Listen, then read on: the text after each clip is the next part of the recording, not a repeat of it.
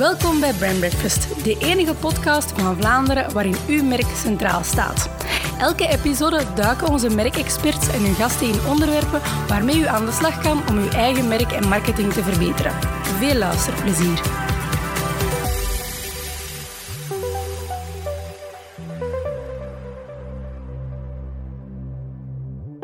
Goedemorgen, beste luisteraars.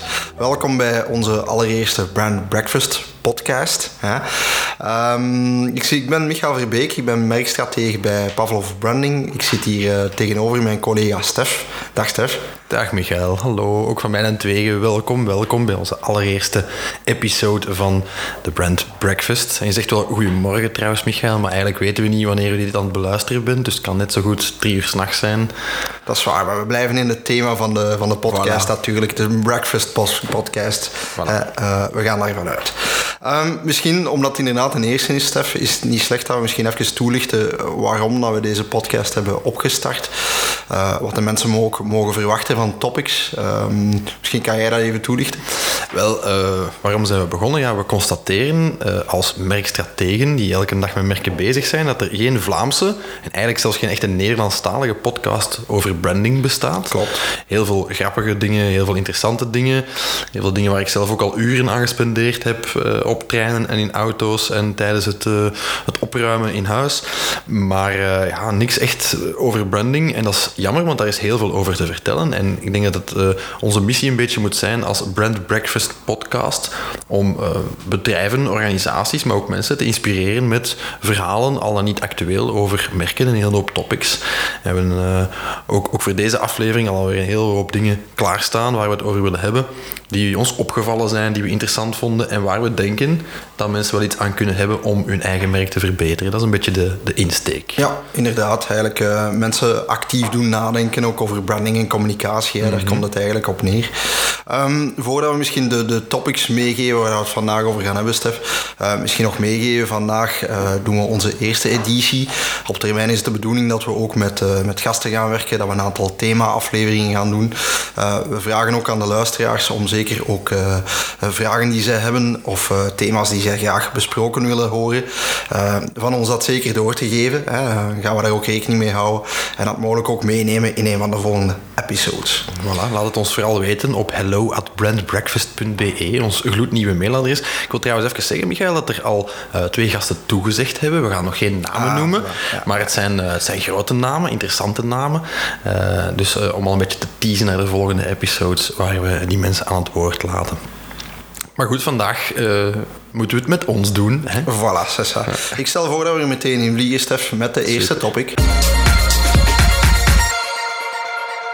Zoals Stef, ik stel voor dat we starten met een, uh, een eerste topic, een top topical als het ware. Um, het wereldkampioenschap voetbal. Ja, uh, volg je mm -hmm. het een beetje? Volg ik dat? Ja, ja ironisch genoeg wel. Hè. Ik ben niet met voetbal bezig, ook niet met sport in het algemeen. Maar het WK vind ik wel eens leuk, net als het EK, om, om wat te volgen. Maar ik ken daar niks van. Ik uh, ja, zie ja. die, die mannelijke shotten en ik vind dat plezant. en, en ik zit match na match voor een andere ploeg te sponsoren zonder veel kennis van zaken. Mm -hmm. Uh, ja, ik vind het leuk om dat te kijken, maar ik uh, ken er verder niks van. Voilà. Ja, trouwens, op het moment van opname, hè, we hebben net de tweede match van de Rode Duivels gehad. Uh, ze hebben tot nu toe alleen maar gewonnen. Mm -hmm. hè, dus laten we ervan uitgaan dat die trend uh, verder gezet wordt. Mogelijk als u dit beluistert trouwens, zijn we gewoon al wereldkampioen. Voilà, Waarom we daarvan uitgaan, hè, absoluut. Gouden generatie uh, en al. Maar laten we het misschien even hebben over het communicatie- en branding ja, aspect ja, hiervan. Um, ja, je zei het al zelf een beetje, zelfs als niet-voetbalsupporter, je kan het moeilijk vermijden. Hè. Je ziet overal het wereldkampioenschap en... Mm -hmm en zaken rond, rond de duivels en de Belgische ploeg opduiken. Um, hoe moeten bedrijven daarmee omgaan, Stef? Um, moeten zij communiceren over het wereldkampioenschap? Wat zou je advies zijn daar? Ja, als het gaat over moeten, dan denk je dat het antwoord nee is. Je moet daar volgens mij als merk helemaal niks mee doen of toch niet verplicht. Mm -hmm. uh, maar ik, ik, weet ook niet of het altijd nuttig is. Uh, het probleem aan dat soort situaties waar iedereen mee bezig is, of dat soort evenementen, grootste evenementen, is dat je de zotste dingen ziet passeren. Hè, waarvan je je de vraag kunt stellen van wat heeft dat nog met de Rode Duivels of met het WK of met voetbal in het algemeen te maken. Je ziet tegenwoordig op uh, dit, dit soort periodes zie je op elk reclamespotje die Belgische vlag. Uh, Op welke poster, op elk promoblaadje. In de supermarkt hangen voetballen op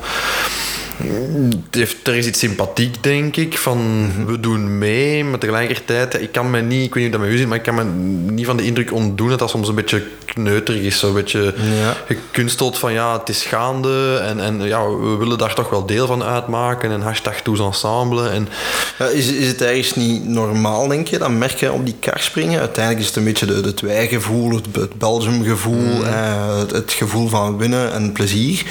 Um, is, dat, is dat niet een logische keuze dan als merk om mee op die kaart te springen? Ja, omdat ik denk dat ze soms niet anders durven. Allee, je wilt zo niet de ene supermarkt of de, de, de, ene merk zijn die daar niks mee doet, omdat het zo normaal geworden is dat we er allemaal iets mee doen. Hè. Vroeger was dat, de sponsors waren daarmee bezig en voor de rest ja, zag je misschien een driekleur hangen aan een paar gevels. Ja. Uh, Toen uh, we niet geselecteerd waren. Ja, ja of daarvoor zelfs nog. Allee, ik herinner me dat als kind toch ook nog wel ergens, dat we wel nog geselecteerd waren voor allerhande mm. uh, kampioenschappen. Uh, dat geldt trouwens niet alleen voor het WK, hè, tout court. Hè. Uh, ik vind, vind dat soort endorsement, dat werkt psychologisch gezien door een mechanisme dat heet het halo-effect. Men gaat mhm. ervan uit van, kijk, als wij ons nu op dit moment liëren aan de Rode Duivels en de Rode Duivels doen het goed, dan pikken wij daar indirect ons graantje van mee, want dan wil dat zeggen dat wij het ook goed doen en dat de, de kwaliteiten van die heerschappen op dat plein afstraalt op uh, onze winkel of afstralen op, onze, op ons brand. Mhm. Ik weet niet of dat, of dat, dat klopt, of dat in elk geval zo is. Hè. Um, ja, want je hebt natuurlijk merken die daar heel hard in investeren. Hè. Ik heb het mhm. nu over het algemeen gehad over, uh, wij gaan spreken, uh, een, een, KMO die een social media post doet over dat ze aan het supporteren zijn voor Roy Duils. Maar je hebt natuurlijk ook echt sponsors van de Rode Duivels. Hè. Ik denk bijvoorbeeld aan een Carrefour of een GLS. Mm, ehm, wat kunnen we daarover zeggen? Is dat een tactiek die werkt, denk je?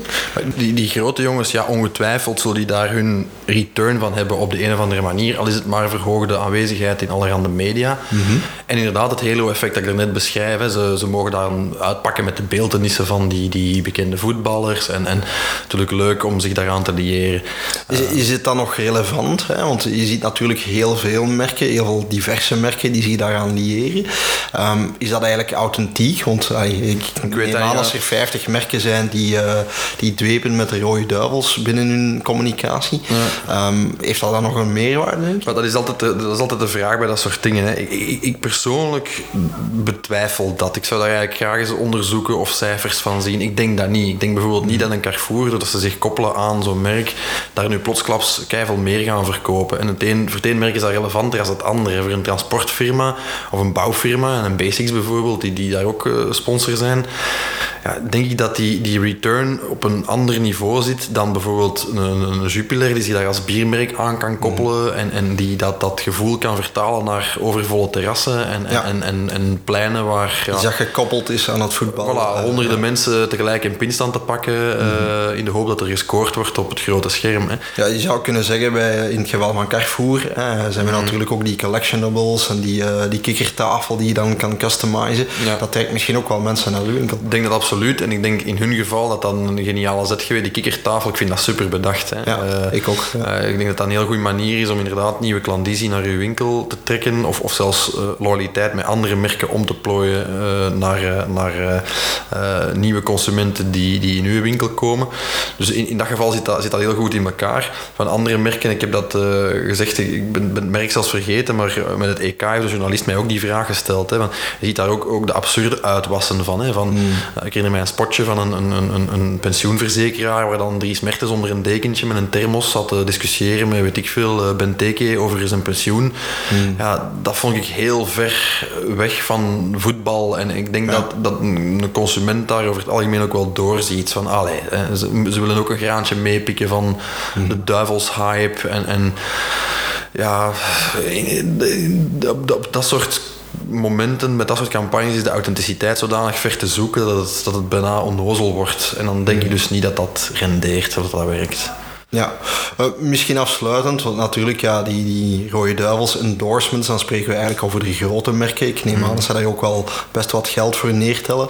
Um, als, als kleine KMO, hè, um, waarin kan een, uh, ja, zal ik maar zeggen, een liëring aan het WK of aan de ploeg een, een voordeel zijn volgens jou? ik denk dat dat gewoon een kwestie van sympathie is. Opnieuw dat tous ensemble gevoel allemaal samen. Mm -hmm. En je ziet nu inderdaad heel veel posts opduiken. En wij trouwens ook met het agentschap hebben, hebben eentje gepost als we samen met de collega's naar de match keken. Ja, uh, was er ook een foto op onze Instagram en dat krijgt dan wel likes. Dus ja, een sfeer in employer branding. Voilà, ik denk dat dat eerder inderdaad het gevoel is van we doen ook mee en we zijn daar ook mee bezig.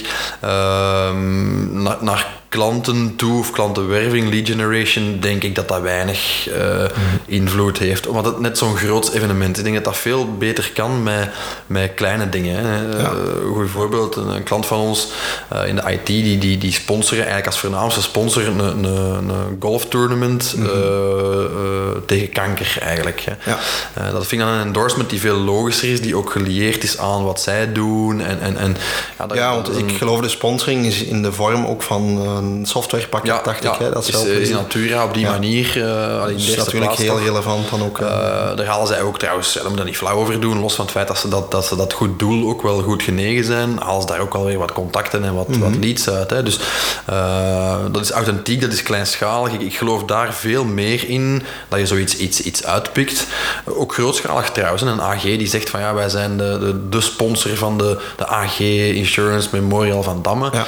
ja, dat denk ik dat dat veel slimmer is dan als 49.000ste uh, mm. een driekleur te hangen en te zeggen, ja, wij zijn ook pro-rode duivels. Ja. ja. qua brand awareness kan dat Exact, ja, iedereen is daarmee bezig, iedereen ja. uh, sponsort voor die duivels, dus het is meer een gevoel van sympathie opwekken, denk ik, en misschien naar employer branding een stuk. Uh, um, eerder dat dan dat je daar echt een, een concurrentieel voordeel uithaalt. Ja, misschien nog één laatste vraag, Stef. Um, ik geloof dat je daar ook mee in een krant stond. Hè. Uh, de fameuze uh, kwestie rond Raja Nainggolan. Raja ja, we hebben het nu over de duivels gehad. Wat met het personal brand van de Rode Duivels en misschien specifiek Raja Nainggolan?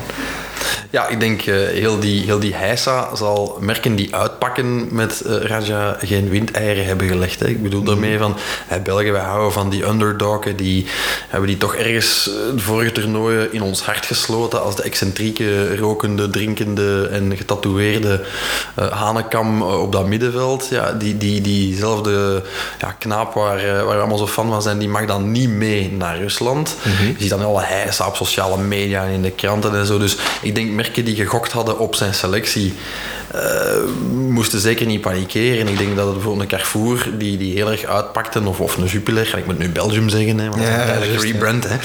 Uh, die, die, die uitpakken met, met Raja, doen er ook goed aan van, van die campagnes te laten voor wat ze zijn. En je moet daar mm. niet aan zitten prutsen. Hè. Uh, ik denk, denk dat, dat heel veel mensen sympathie hebben voor die figuur. Mm. Trouwens ook voor andere figuren, hè, dat even heel duidelijk zijn.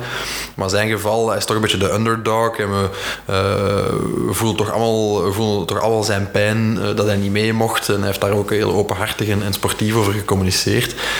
Uh, dus ook daar speelt dat hele effect weer. Hè. Wij identificeren ja. ons daarmee als, als kleine Vlaming en uh, mm -hmm.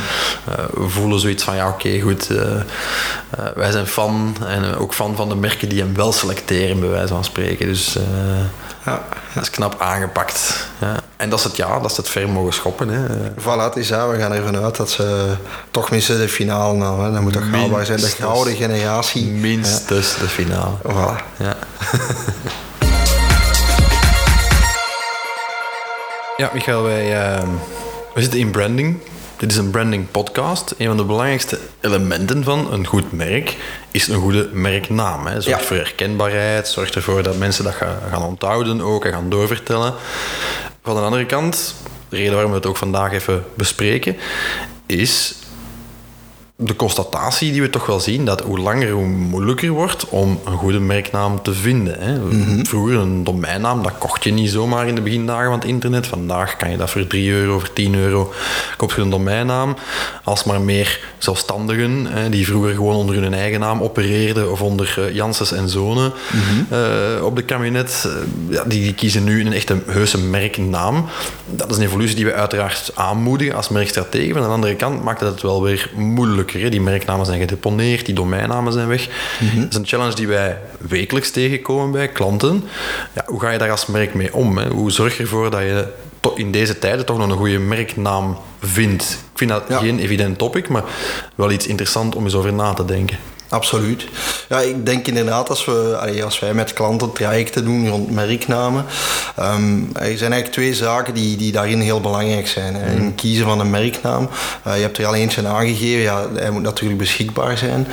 Ehm, maar voordat we daar eigenlijk mee starten, is het ook heel belangrijk dat je, dat je goed realiseert, ja, zo'n merknaam, dat is meer dan gewoon een naam. Hè. Ik bedoel daarmee van, sommige van onze klanten zeggen wel eens van ja, ons kind moet gewoon een naam hebben. Hè. Het Ja, moet, het eh, maakt dan niet uit wat eigenlijk. Voilà, het, eh, ja. Mijn vrouw moet het leuk vinden qua, qua klank. Ja, Hè, of ja. het, het moet iets zijn dat ik makkelijk kan onthouden. Eh, natuurlijk zijn er elementen die meespelen. Eh, maar wat dat we altijd meegeven in de start van zo'n zo'n oefening is natuurlijk, ja, het moet de juiste associaties hebben. Hè. Hmm. Eh, het voorbeeld dat je aangeeft, die Janssens en Zonen, dat kan op zich wel werken. Als jij een klein bedrijfje hebt van, van loodgieters, een familiebedrijfje, ehm, kan dat in principe sympathiek en persoonlijk genoeg zijn om als merknaam te fungeren. Hè. Dat is op zegt niet veel. Hè? Moet een merknaam descriptief zijn, vind jij? Moet dat, Ja. moet dat direct zeggen wat je doet? Dat is een beetje de keuze. Hè. Ik denk dat je in, in, in eh, keuze van merknaam vaak de, de, het eh, perspectief hebt van enerzijds ofwel de keuze voor een descriptieve Hmm. merknaam.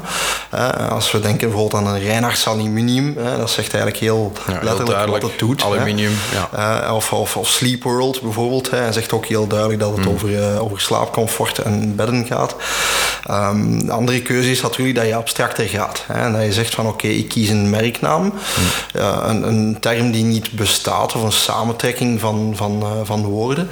Ehm, Proximus is daar bijvoorbeeld een, een heel goed voorbeeld van. Die naam zegt op zich niks, maar is gekoppeld aan associaties zoals proximiteit. Je hoort daar ook een beetje technische in Dat is wel een hele goede merknaam ook natuurlijk. Cessa, ja, absoluut.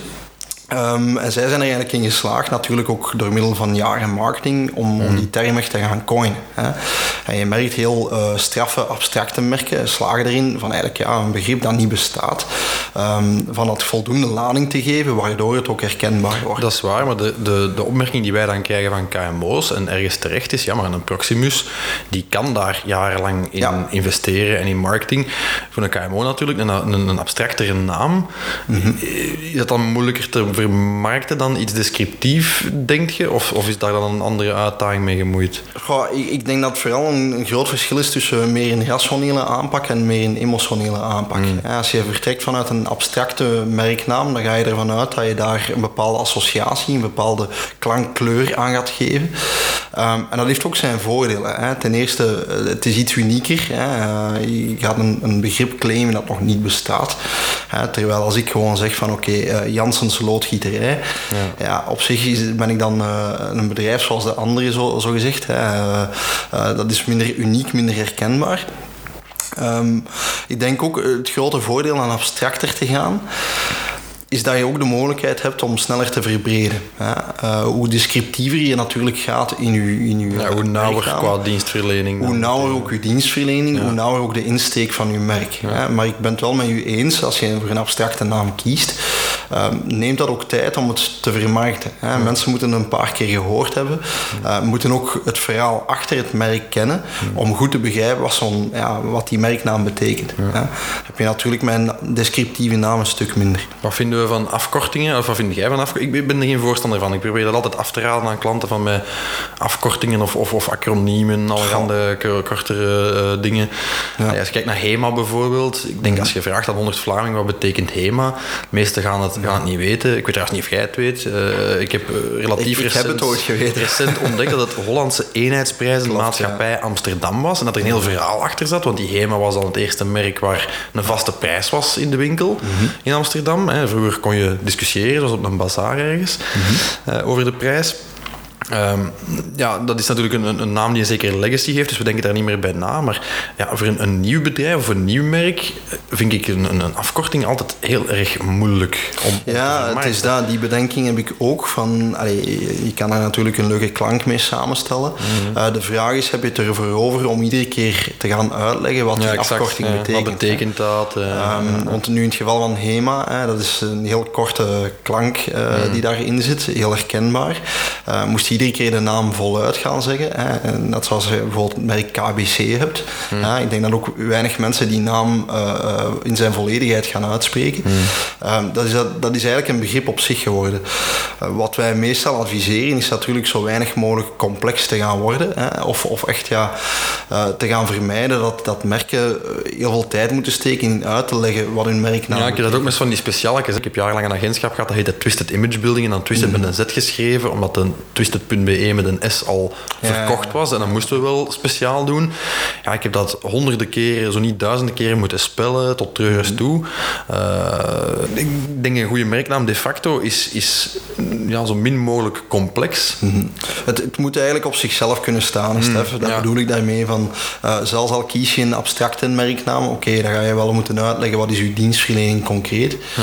Uh, hoewel je dat ook kan oplossen met, met suffixen of prefixen. Uh, je had net het voorbeeld van twisted image building aan. Ja, als je het natuurlijk voluit zegt, dan wordt het heel duidelijk wat, wat het mm. bedrijf inhoudt. Um, ik denk dat het vooral belangrijk is met een abstracte merknaam, dat die associaties, die, die, uh, die lading daarvan, van dat merk, het gevoel dat erachter zit, dat dat heel duidelijk is. Hè. Moet het in het algemeen, en in zeker, bij, zeker, zeker in het geval van abstracte merknamen, moet het ook gewoon niet sappig bekken? Ik bedoel, dingen zoals Proximus en HEMA zijn goede voorbeelden, omdat die ook gewoon leuk in de, in de mond liggen. Hè. Eh, Tuurlijk. Qua klankkleur. Eh. Ook daar, je hebt daar een zekere psychologie achter. Hè. Je hebt mm. klanken die veel harder klinken, klanken die, die uh, vrouwelijker klinken en iets mm. warmer klinken. Uh, als je inderdaad vergelijkt een, een, bedrijf zoals Amelior bijvoorbeeld, dat klinkt heel warm. Mm. Proximus klinkt dan iets meer... scherper met die iets, iets scherper, omdat je daar bepaalde scherpe klanken in hebt. Um, dus inderdaad, dat is, is een belangrijke keuze. Hè. Ik denk niet alleen dat het leuk klinkt, maar ook ja, het juiste gevoel weergeeft qua klank. Ja. Ik overval je misschien een beetje met de vraag, maar misschien om af te ronden wat merknamen betreft. Wat is nu de ultieme tip die jij als merkstratege zou geven aan iemand die u vraagt van waar moet ik op letten bij het kiezen van een merknaam?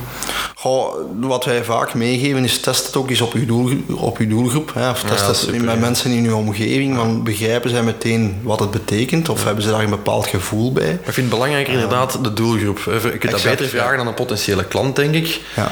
de, de, de, gruwel van elke uh, merkontwikkelaar is van mm. ja, maar ik heb het aan mijn vrouw laten zien en die vond dat groen niet mooi. Of ik heb het aan mijn zus laten horen en, en, en die vond die, die klank niet mooi. Mm. het moet werken voor uw doelgroep. Dat is inderdaad wel een hele goede, hele goede tip natuurlijk. Maar best bij uw, bij uw klanten of potentiële ja, klanten. Ja, je primaire doelgroepen natuurlijk. Hè. Verstaan zij er voldoende uit? Halen ze er de juiste associaties uit? Ik denk dat de truc daar ook is om niet te testen van oké, is, is die naam goed of niet? Maar, maar je te vragen van oké, uh, wat, wat voel je daarbij of wat versta je daaronder? Hè? Um, dat geeft je ook een idee van waar moet je extra duiding aan geven. Hè? Want dat heb ik nog niet meegegeven. Uh, sommige merken werken ook met baselines bijvoorbeeld om wat meer ah, duiding te geven. Uh, zeker als je met een abstractere term werkt, is dat, is dat wel aan te bevelen. ook niet in elk geval, maar als je zegt van oké, ik, ik, heb een korte tagline die, die in één korte zin vertelt wat wij doen, um, dan helpt dat herkenbaarheid ook vooruit. Hè?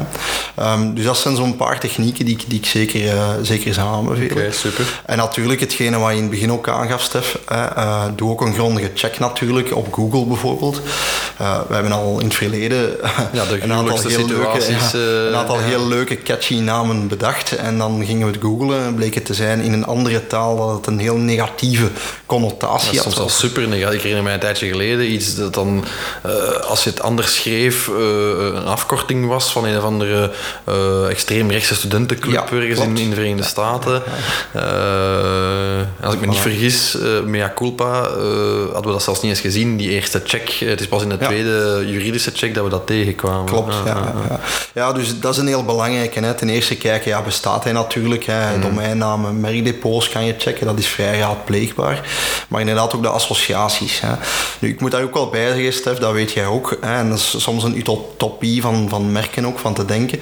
Wij gaan een merknaam kiezen die volledig uniek is of die ja, nog op geen andere manier ergens is voorgekomen. Daar moet je echt al heel veel chance mee hebben. Hè? Dat is zoals zoals dat, ja. eh, een term googlen waar, waar geen zoekresultaten voorkomen. Dat bestaat Dat bijna is niet. hè. bijna onbestaande, tenzij dat je bijzonder complex gaat. Hè. Uh, dus je gaat altijd wel een associatie vinden of iets dat erop lijkt. Hè.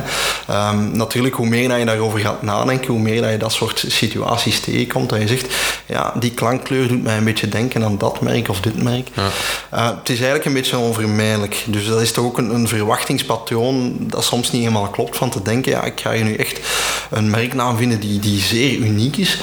Um, ik ben het eigenlijk nog niet echt tegengekomen. Nee. Um, tenzij dat je inderdaad echt een, een straffe trouvaille hebt. Het lijkt ook altijd wel op iets natuurlijk. Hè. Zelfs als het toch enigszins uniek is, zal het altijd wel lijken op iets. Ja. Of doet denken aan iets. Dat is met logo's ook uiteindelijk. Voilà, hè. is dat. En in het beste geval heb je inderdaad, eh, doet het denken aan de associaties die jij wilt. Hè. Eh, inderdaad, Proximus, goed voorbeeld. Hè. Proximiteit zit daarin. Ja, dat is een, een term die, die, die wel gegrift is. Die associatie zit wel gegrift in, in, in ons geheugen, in, in ons verstand. Oké, Dus, eh, super. Al heel wat eh, om over na te denken. Ja, mocht u trouwens eh, vragen hebben over uw eigen merknaam of over uw eigen potentiële rebranding en een, een nieuwe naam die je wilt kiezen, of je hebt een start-up en je hebt daar vragen over, laat het ons vooral weten op hello at brandbreakfast.be. Michael, ik heb een, ehm, recent een, een, een, een filmpje gezien ja, dat mij is bijgebleven en ik wil even wil opwerpen en dat ik misschien ook wel een relevant topic vind voor de toekomst. En het kan goed zijn als we, dat, als we deze episode over tien jaar herbeluisteren, dat we zeggen, goh, hè, waar is de tijd dat dat, dat, dat nog ter discussie stond. Hè?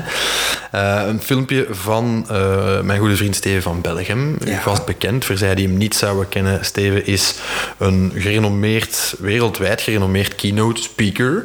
eh, auteur van ehm, eh, The Conversation Manager, onder andere. Een eh, waanzinnige bestseller over de impact van social media op bedrijven, ongeveer een decennium geleden. Schreef recent Customers the Day After Tomorrow, een interessant boek waarmee hij dus ook toert met een keynote eh, speech. De website zegt eh, in meer dan 30 landen over heel de wereld heeft hij er al over gesproken.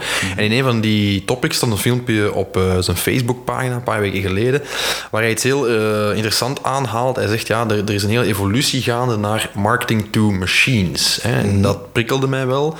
Ehm, ik heb ook gekeken wat hij ermee bedoelt. Eigenlijk in het kort gesteld, en ik zou zeggen, bekijk het filmpje vooral zelf een keer, zegt hij, ja, we moeten leren van de grote jongens zoals Amazon die een evolutie in gang zetten in marketing. Namelijk, je kan niet meer als merk alleen maar naar je consumer, naar uw customer communiceren en, en, en uw marketing daarop afstemmen.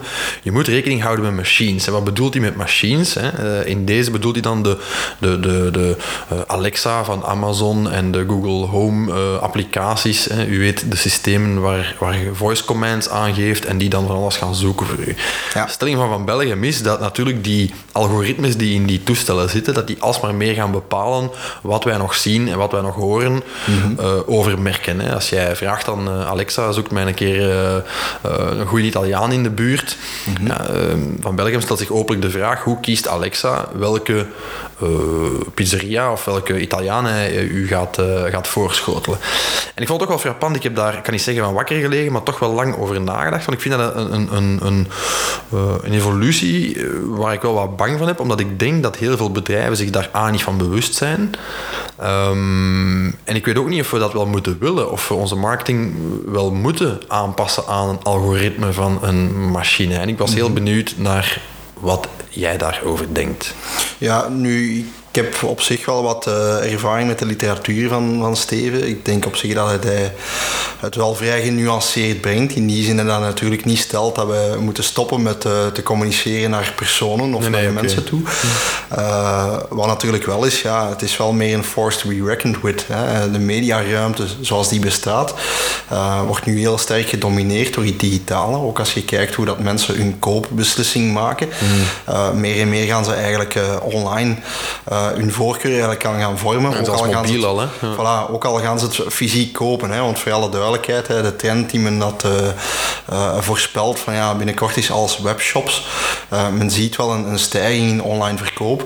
Eh, maar de meeste consumenten of de meeste klanten eh, verkiezen nog altijd een, eh, ja, een, een fysieke winkel, fysieke ja, winkel of toch een contact met, met een persoon, ook in geval van problemen. Hè, dus dat, dat blijft een moeilijk evenwicht, vind ik, tussen die twee. Hè. Enerzijds zien we wel een, een grote stijging in het digitale en de media die daarvoor gebruikt worden. Eh, anderzijds merken we van consumenten eh, dat ze zeggen, oké, die media eh, of die, dat digitale, dat vergemakkelijkt ons koopproces. Maar we prefereren toch nog wel ergens een human touch daarin. Hè. Ja. Nu, wat dit betreft, ja, ik denk persoonlijk, ik kom natuurlijk iets meer uit het digitale stuk eh, van communicatie en branding. Ehm, geloof ik wel ergens in wat hij zegt. In die zin, je had vroeger ook het, het concept van SEO Ja. eh, en alles wat, daar, wat daarbij bij paste.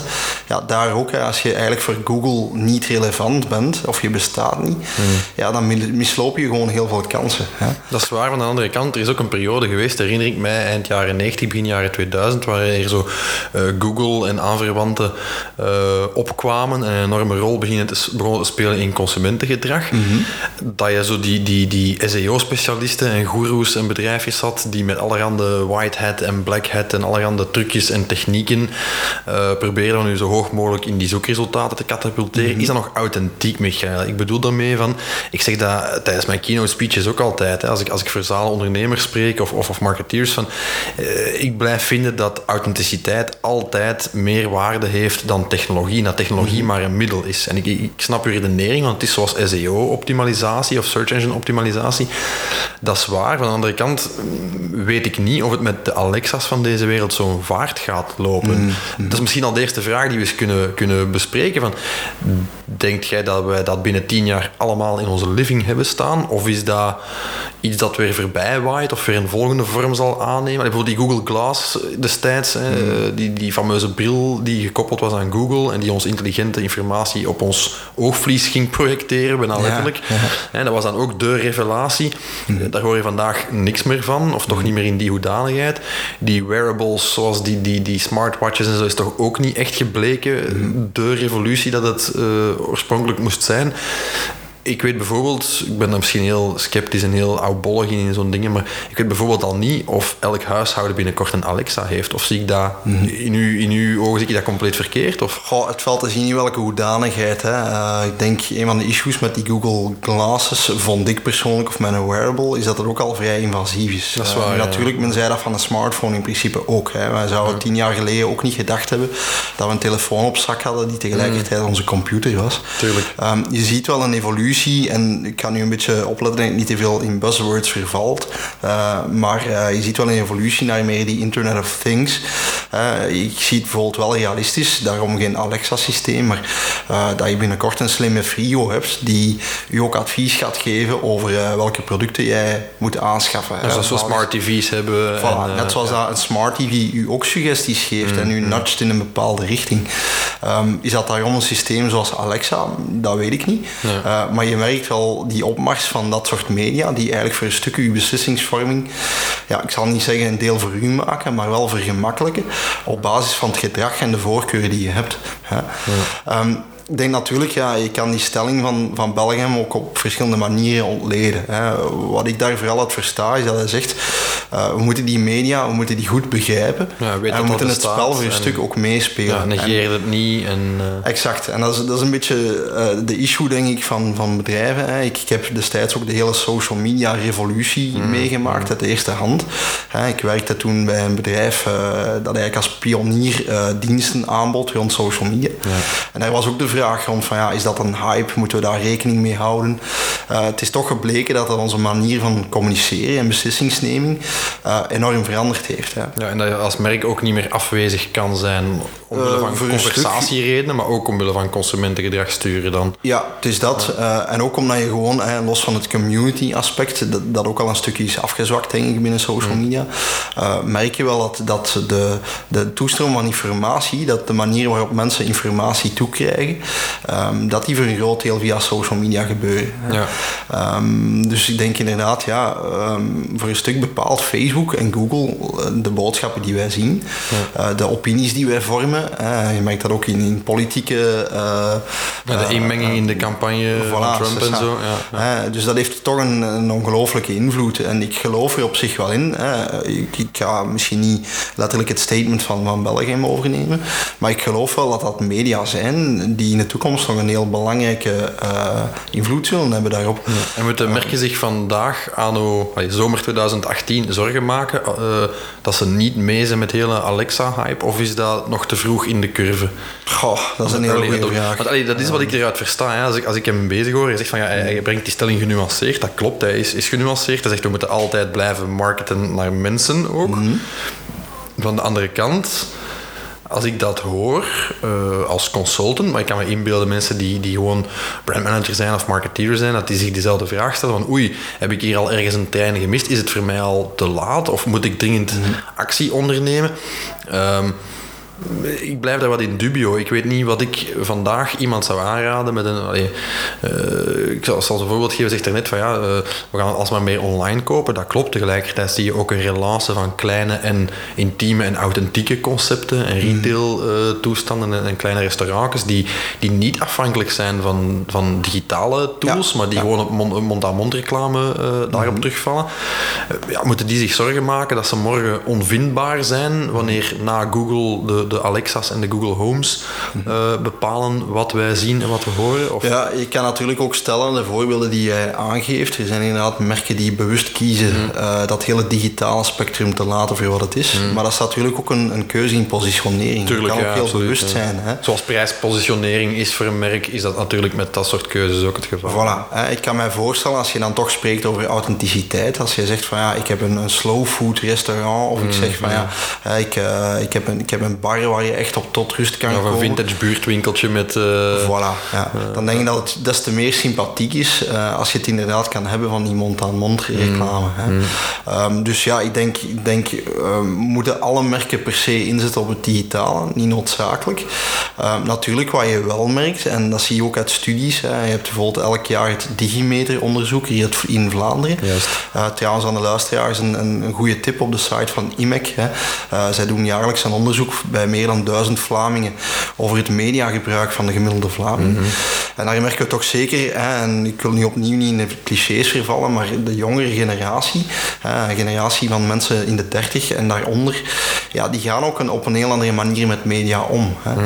Uh, en ik denk wel, naarmate dat uh, tieners bijvoorbeeld hè, de, de grotere groep worden van consumenten, hè, want dat zijn nu uiteindelijk de mensen die koopbeslissingen beginnen te maken, um, dat die invloed van het digitale ook wel een stuk gaat stijgen.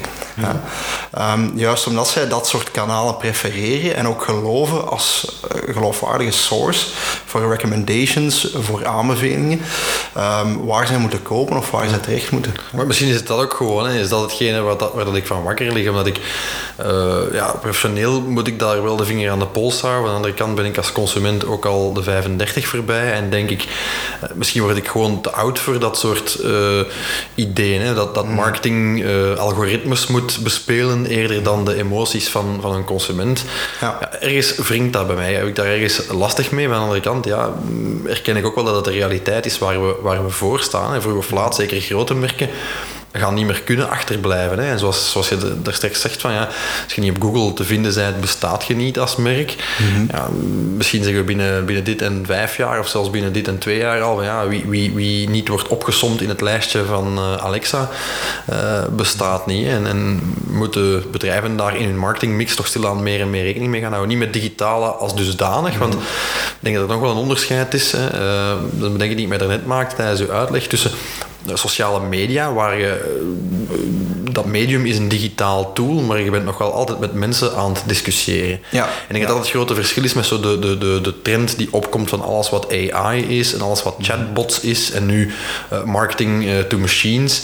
Ja, dat zijn voor mij, uh, opnieuw wordt daar misschien wat te oud voor, hè, maar dat zijn voor mij bijna matrix-toestanden, hè, waarbij je de groene cijfertjes en lettertjes zie, zie passeren of zie scrollen op een scherm.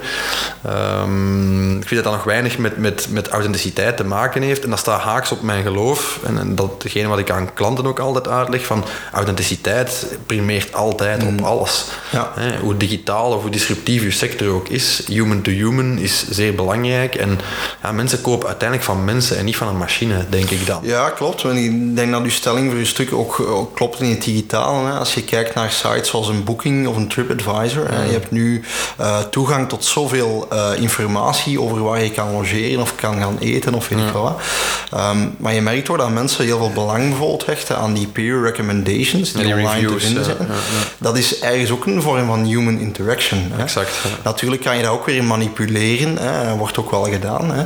Eh, maar ik, ik geloof wel oprecht dat mensen op basis daarvan wel een keuze maken. Ja, als ik nu zeg, ik wil hier in Antwerpen eh, een restaurant gaan bezoeken en ik ga dat googlen, ja, dan ben ik eerder geneigd om eentje te nemen die boven de vier sterren zit, Tuurlijk. dan had ik een gaan nemen waar heel slechte commentaren zijn. Ja, dat is ook zo'n brutale, hè? want mensen geloven liever een wild vreemde op Facebook of op een Mhm. forum dan, dan, dan een bedrijf zelf nog, of een merk zelf nog. Dus ja, en eh, daarin ondersteun ik u wel, Stef, van hey, de kanalen veranderen. Hè. Eh, als we nu het voorbeeld van Alexa nemen, ja, op basis van wat gaat Alexa bepalen om u een bepaalde eh, keuze aan te bieden of een bepaald restaurant voor te schotelen. Ja, als dat op basis van peer reviews gebeurt, dan zit daar wel nog een human element Ja, in. ja. Hè. Eh, dus dan heb je wel die geloofwaardigheid en die authenticiteit voor je stuk daarin. Ehm, ik denk dat het vooral een kwestie is, puur in marketing, dat we het niet over een merkverhaal, maar dat je wel rekening houdt met die kanalen. En dat je ook rekening houdt met de veranderende mediapatronen eh, van je doelgroepen. Hè. Oké, ja, goed. Eh, ik denk dat daar zeker het laatste woord nog niet over gezegd is. komende jaren zullen we de evolutie van dichtbij meemaken. Mocht u interesseren, stevanbelgem.com eh, kan u die video's eh, terugvinden. Eh, en uiteraard heel zijn theorie ook in Customers the Day After Tomorrow te bestellen via zijn website of bij de betere boekenboer. Voilà. We gaan dat met argusogen blijven Met argusogen. Ook, Eh, trouwens, misschien om afrondend, Stef, als we het dan Ja. toch over technologie hebben. Ehm, ik ben zelf soms wat, hoe zal ik het zeggen, niet eh, technologiewerend, maar ook niet de early adapter eh, vaak in dat soort zaken. Mhm. Eh, er is nu recent bij ons eh, in de buurt, eh, in de supermarkt, in Ja, Spar, juist, in eh, juist, West-Palaar, waar, ik, eh, waar ik woon, heeft men een systeem eh, ontwikkeld rond eh self-scanning, eh, waar Mhm. het idee eigenlijk is dat je met je smartphone eh, je boodschappen gaat scannen, eh, zelf in de kar gaat leggen en dan bij de checkout gewoon je betaalkaart boven de haalt. ja. Ehm, de QR-code en... eh, Voilà, ja. Dus dat is inderdaad eh, ook, ook weer zo'n innovatie waarvan je kan zeggen, oké, halen we het menselijke component er nog niet te veel uit. Mhm. Ehm, ik ga het toch eens testen. Hè. Ik heb het nog niet gedaan. En ik Je moet, moet ook, het testen. Ik, ik, moet het testen. Ja, absoluut. Eh, zeker naar customer experience vind ik dat een, een zeer goed experiment. Hè. Men is daar een, week of drie geleden mee, mee Ja. gestart. Toevallig achter uw hoek, dat treft toch wel. Voilà, dat treft, dus wel, dan moet ik dat doen. Nu, het valt mij wel op, hè, als we het dan inderdaad hebben over, over die human approach. Het valt mij wel op sinds dat, ik, eh, sinds dat dat systeem is ingevoerd. Eh, ik ken natuurlijk de cijfers niet van hoe vaak dat gebruikt is, maar ik heb wel nog niemand het echt zien gebruiken daar ter plaatse. Eh, op de drukke momenten dat ik daar ga shoppen. Ehm, dus ook daar ja, natuurlijk de vraag van hoe snel wordt zoiets geadapteerd. Hè? Is het soms niet wat technologie om technologie? Het zal zo blijken, maar ik ga het in ieder Ja, geval eens testen. des te benieuwder ben ik naar de, uw uitgebreide toelichting als je dat een keer uitprobeert. We gaan er sowieso op terugkomen in een volgende episode. Eh, is het eh, de Amazon Go van Vlaanderen? Eh, of is het eigenlijk gewoon een veredelde selfscan? We gaan dat, we gaan dat voor u uittesten en we komen daarop terug om te kijken hoe het staat met customer experience bij de Spar in Westpelaar en misschien bij u om de hoek binnenkort. Voilà, oké, dan denk ik dat we alles gecoverd hebben voor deze Ik denk het ook. Ja. aflevering. Eh, ik zou zeggen, eh, stuur ons uw bedenkingen en uw vragen met de hashtag eh, brandbreakfast op een sociaal medium naar keuze. Of stuur ons een mailtje op hello at brandbreakfast.be en wie weet komen we er volgende keer nog dieper op in op uw topics en uw vragen. Voilà, goed, bedankt voor het luisteren en tot de volgende keer. Tot ziens.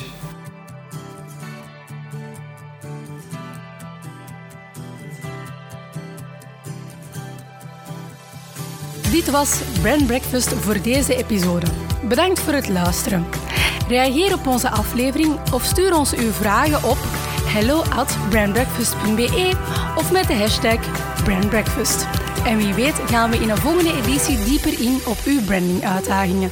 Tot een volgende keer.